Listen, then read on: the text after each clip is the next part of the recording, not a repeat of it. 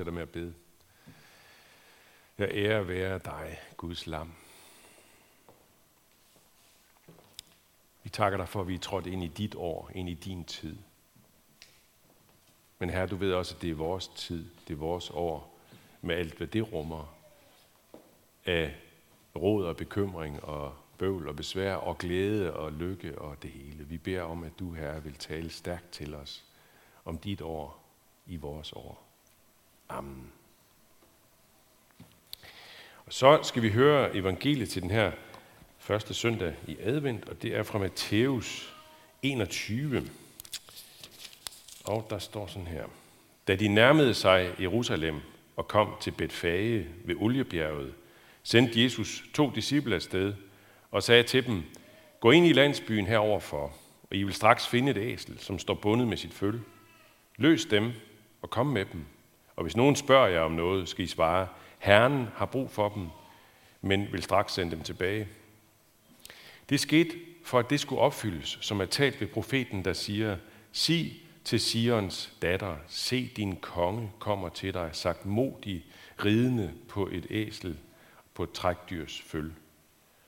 Og disciplene gik hen og gjorde, som Jesus havde pålagt dem. De kom med æslet og følget og lagde deres kapper på dem, og han satte sig derpå. Den store folkeskar bredte deres kapper ud på vejen, og andre skar grene af træerne og strøede dem på vejen, og skarne, som gik foran ham, og de, der fulgte efter, råbte, Hosianna, Davids søn, velsignet være han, som kommer i Herrens navn. Hosianna i det højeste.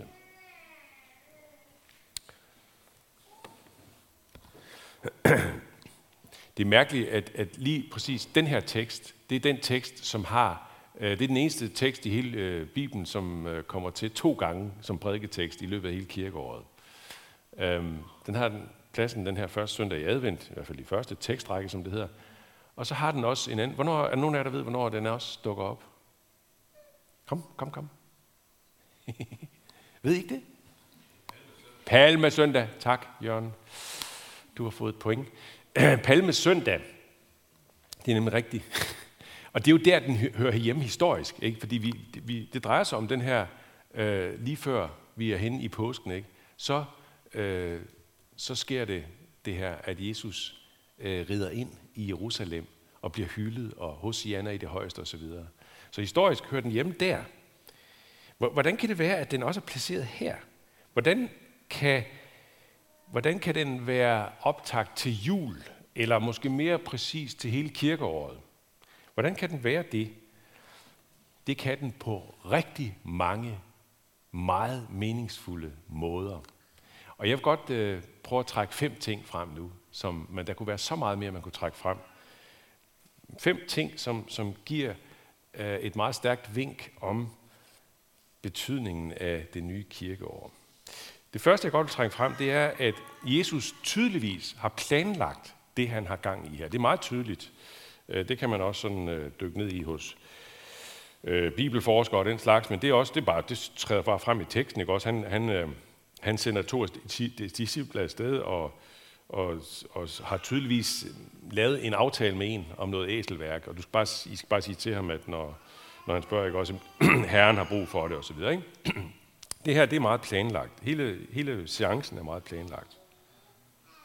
Og øh, det, det, det, det er meget tydeligt også, at det handler om at gøre det her gældende, som, som Matthæus også citerer det her fra Zakarias' bog. Det med at se din konge kommer til dig, sagt modig ridende på et æsel. Øh, den opfyldelse af det der, som var en messiansk profeti, en profeti om Messias, der skulle komme. Vi skal med fuld viden og bevidsthed planlægge og forberede hyldesten af Kristus. Præcis som han selv gjorde det. Han planlagde hyldesten af sig selv. Det er helt tydeligt. Det skal vi også gøre igennem et helt kirkeår fra søndag til søndag, som vi jo gør det. Ikke? Det er jo planlagt. Det kan jeg godt afsløre, at den her gudstjeneste er planlagt fra ende til anden. Hyldelsen af Kristus skal ikke bare være noget, der ligesom opstår spontant i vores følelser, ellers så er det ikke ægte, så er det ikke autentisk. Sluddervrøvl. Det skal planlægges. Vi skal gøre det bevidst og gennemtænkt gennem hele året. Og det fører mig til den anden pointe. Nemlig, at det skal vi gøre, fordi vi har brug for det. I den bevidste, fokuserede fejring og hyldest, der træder Jesus ganske enkelt tydeligere ind i vores bevidsthed. Og ind i vores sind, ind i vores hverdagsliv. Når vi tydeligt, bevidst, villet går ind og fejrer ham og hylder ham. Jeg plejer at sige til dåbsforældre, gør det til en fast vane for jer, og for jeres barn ikke mindst. Træk jeres barn ind i en fast vane, der handler om at komme til gudstjeneste søndag efter søndag. Sådan som I har andre vaner, som I aldrig kan finde på at, at, at stoppe i jeres familie. Så gør også det her til sådan en, en fuldstændig uomstødelig familievane, at vi går til gudstjeneste søndag efter søndag. Så det med Gud ikke bliver sådan noget følelsesbestemt til- eller fravalg, men at det bliver den selvfølgeligste forudsætning for alt. Og det samme vil jeg gerne sige til alle os andre også. at vi skal gøre troens liv og bevidsthed til noget, der er knyttet til faste vaner. Troens liv og bevidsthed lever rigtig meget i kraft af et bevidst planlagt valg. Det er der måske nogen, der kunne blive en smule anfægtet over. Nå, så er det det, det er båret af. Studer og vrøvl, Der er ingen grund til at blive anfægtet over det. Nogle af de allervigtigste, jeg vil faktisk sige de allervigtigste ting i vores liv, er rigtig meget båret af bevidste, planlagte vaner og rutiner og valg. For eksempel kærligheden. Det tredje, jeg vil sige, det er, at vi vælger også den her faste, planlagte hyldest af Kristus gennem hele kirkeåret, fordi vi derved sender et signal til alle andre omkring os, som endnu ikke går troens vej. Vi sender, så at sige, et signal til dem. Kom og se. Kom med og se. Kom med, for eksempel med i bykirken og se. Ikke? Det er det signal, vi sender til dem, når vi gør det til noget helt fast. Jeg kan huske, øh, da jeg var præst i Nordnorge, så var der øh, i en, jeg havde, sådan, jeg havde tre kirker sådan set deroppe. Det var, øh, og så var der sådan et, en lille annex, øh, hvad hedder sådan noget, sovn, øh, hvor der boede 300 mennesker cirka. En lille bitte landsby derude ved fjorden og fjellene. Det var så smukt. Nå, men det jeg vil frem til at sige, det er, at øh, der var der så øh, på et tidspunkt efter øh, et år eller to, så var der øh, nogle, øh, et par, tre øh, bundepar, det var bønder, der boede derude, tre bondepar, som begyndte at komme, sådan, ikke lige samme søndag, men, men sådan inden for en kort tidsrum, begyndte de at komme fast i kirke, og ikke mindst, de begyndte at knæle ved nadverbordet. Præcis det var grænseoverskridende faktisk, i den, i den kultur deroppe. Det, det begyndte de at gøre. Vi hørte det ene par, som blev meget, de blev nære venner af os, det ene par, de fortalte, at samme søndag aften, hvor de altså om formiddagen havde knælet nadverbord, samme søndag aften vidste alle det i landsbyen Sjælbotten. Alle vidste det. Rygtet gik med det samme ud over det hele. Ja, sådan var det. Nyheden breder sig, når nogen gør det her fast. Den her store flok, der samles, vi, vi læser om, ikke også den store, store flok, der samles om ved Jesu indtog der. For at vide, det er en stor flok. De lægger deres kapper, de skærer grene af og råber hos Janne og synger osv. Ikke også?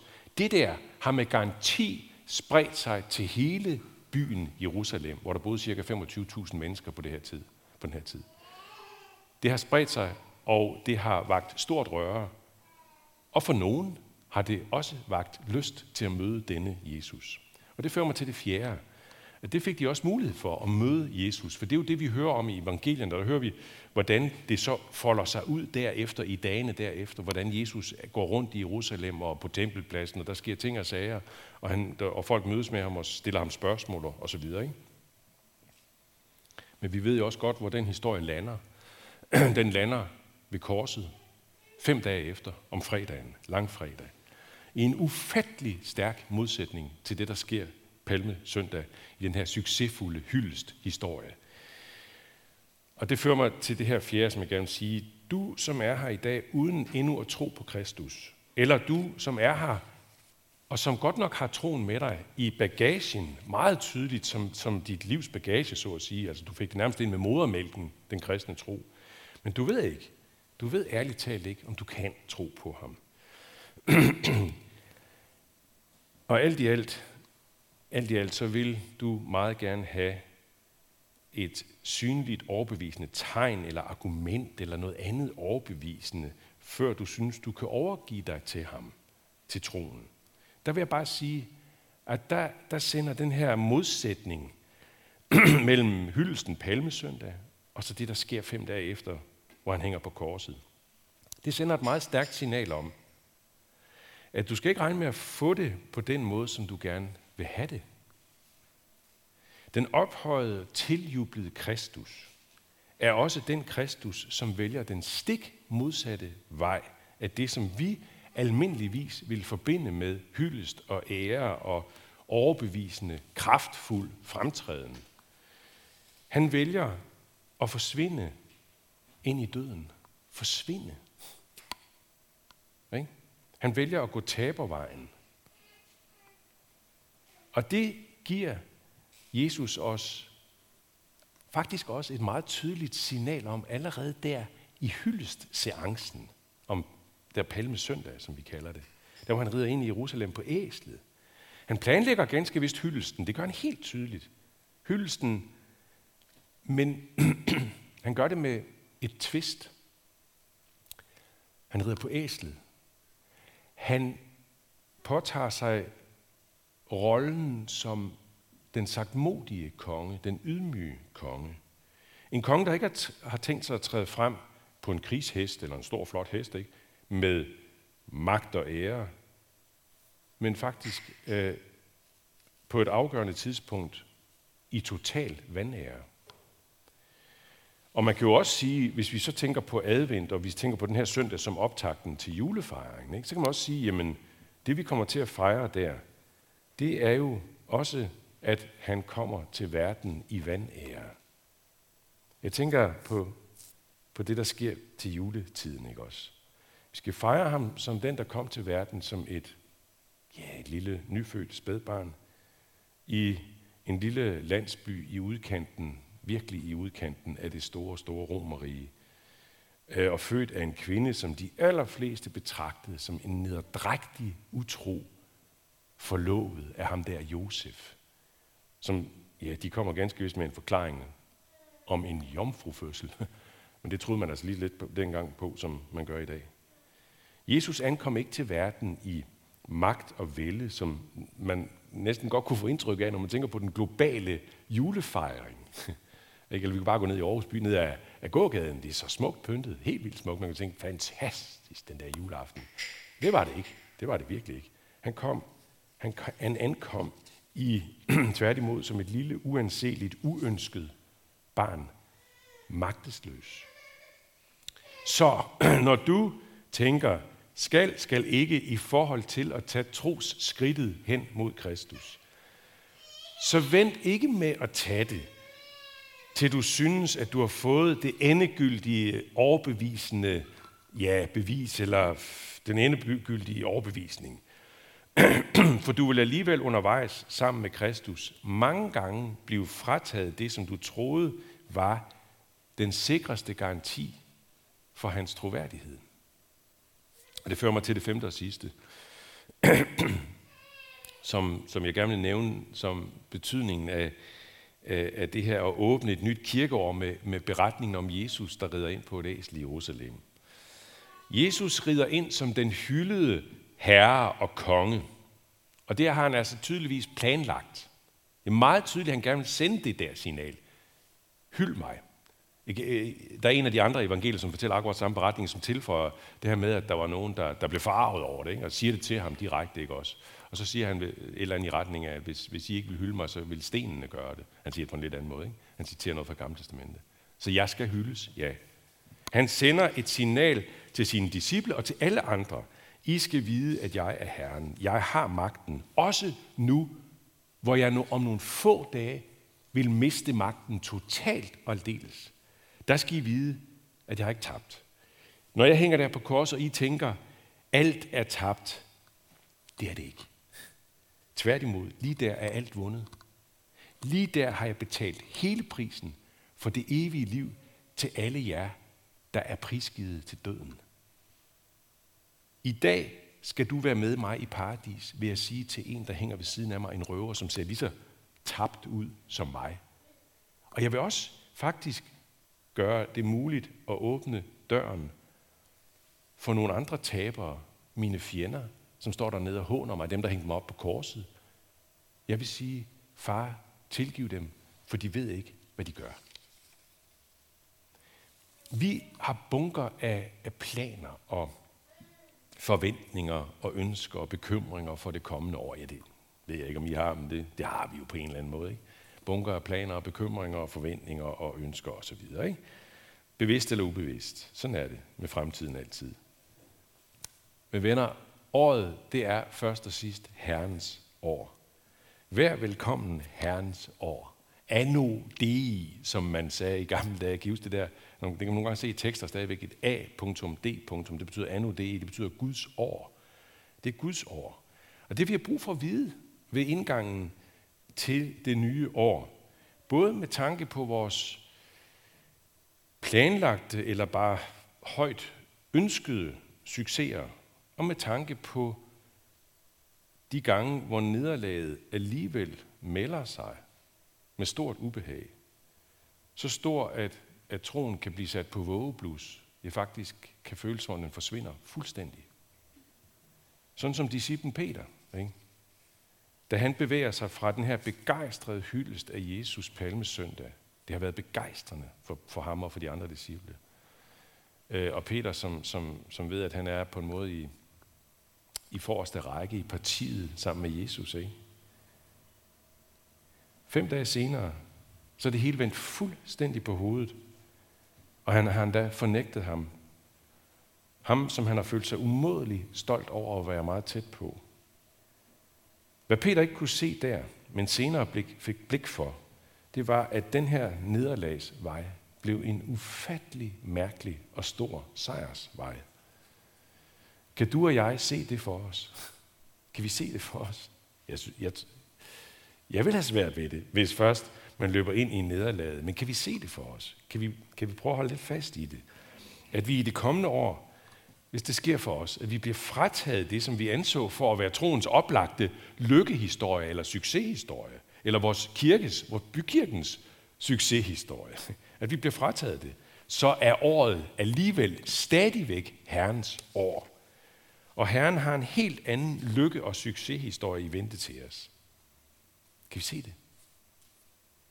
Nu i det her liv, og under alle omstændigheder ultimativt og alt overskyggende i det kommende liv. Og der har jeg bare lyst til, at vi skal slutte med et citat af netop Peter, som virkelig fik blik for det. Virkelig. Øh, og nu skal vi i næste gudstjeneste kl. 11, skal vi have en dåb, og der skal vi jo læse det her, lovet være Gud, hvor Herre Jesu Kristi Far, som i sin store barmhjertighed har genfødt os til et levende håb ved Jesu Kristi opstandelse fra de døde. Det læser vi altid ved en dåb. Så fortsætter Peter teksten sådan her. Til en uforgængelig og ukrænkelig og uvisnelig arv, der ligger gemt i himlene til jer, som af Guds magt ved troen bevares til en frelse, der holdes rede til at åbenbares i den sidste tid. Da skal I juble skønt I nu, en kort tid, hvis det skal være, må lide under prøvelser af mange slags, for at jeres tro, der er mere værd end det forgængelige guld, der dog prøves i ild, kan stå sin prøve og blive til pris og herlighed og ære, når Jesus Kristus åbenbares. Ham elsker I, uden at have set ham. Ham tror I på nu, uden at se ham. Men I skal juble med en usigelig forklaret glæde, når I kommer frem til troens mål, jeres sjæles frelse. Derfor siger vi lov, tak og evig ære være dig, hvor Gud, Far, Søn og Helligånd, som var, er og bliver højlovet fra evighed til evighed. Amen.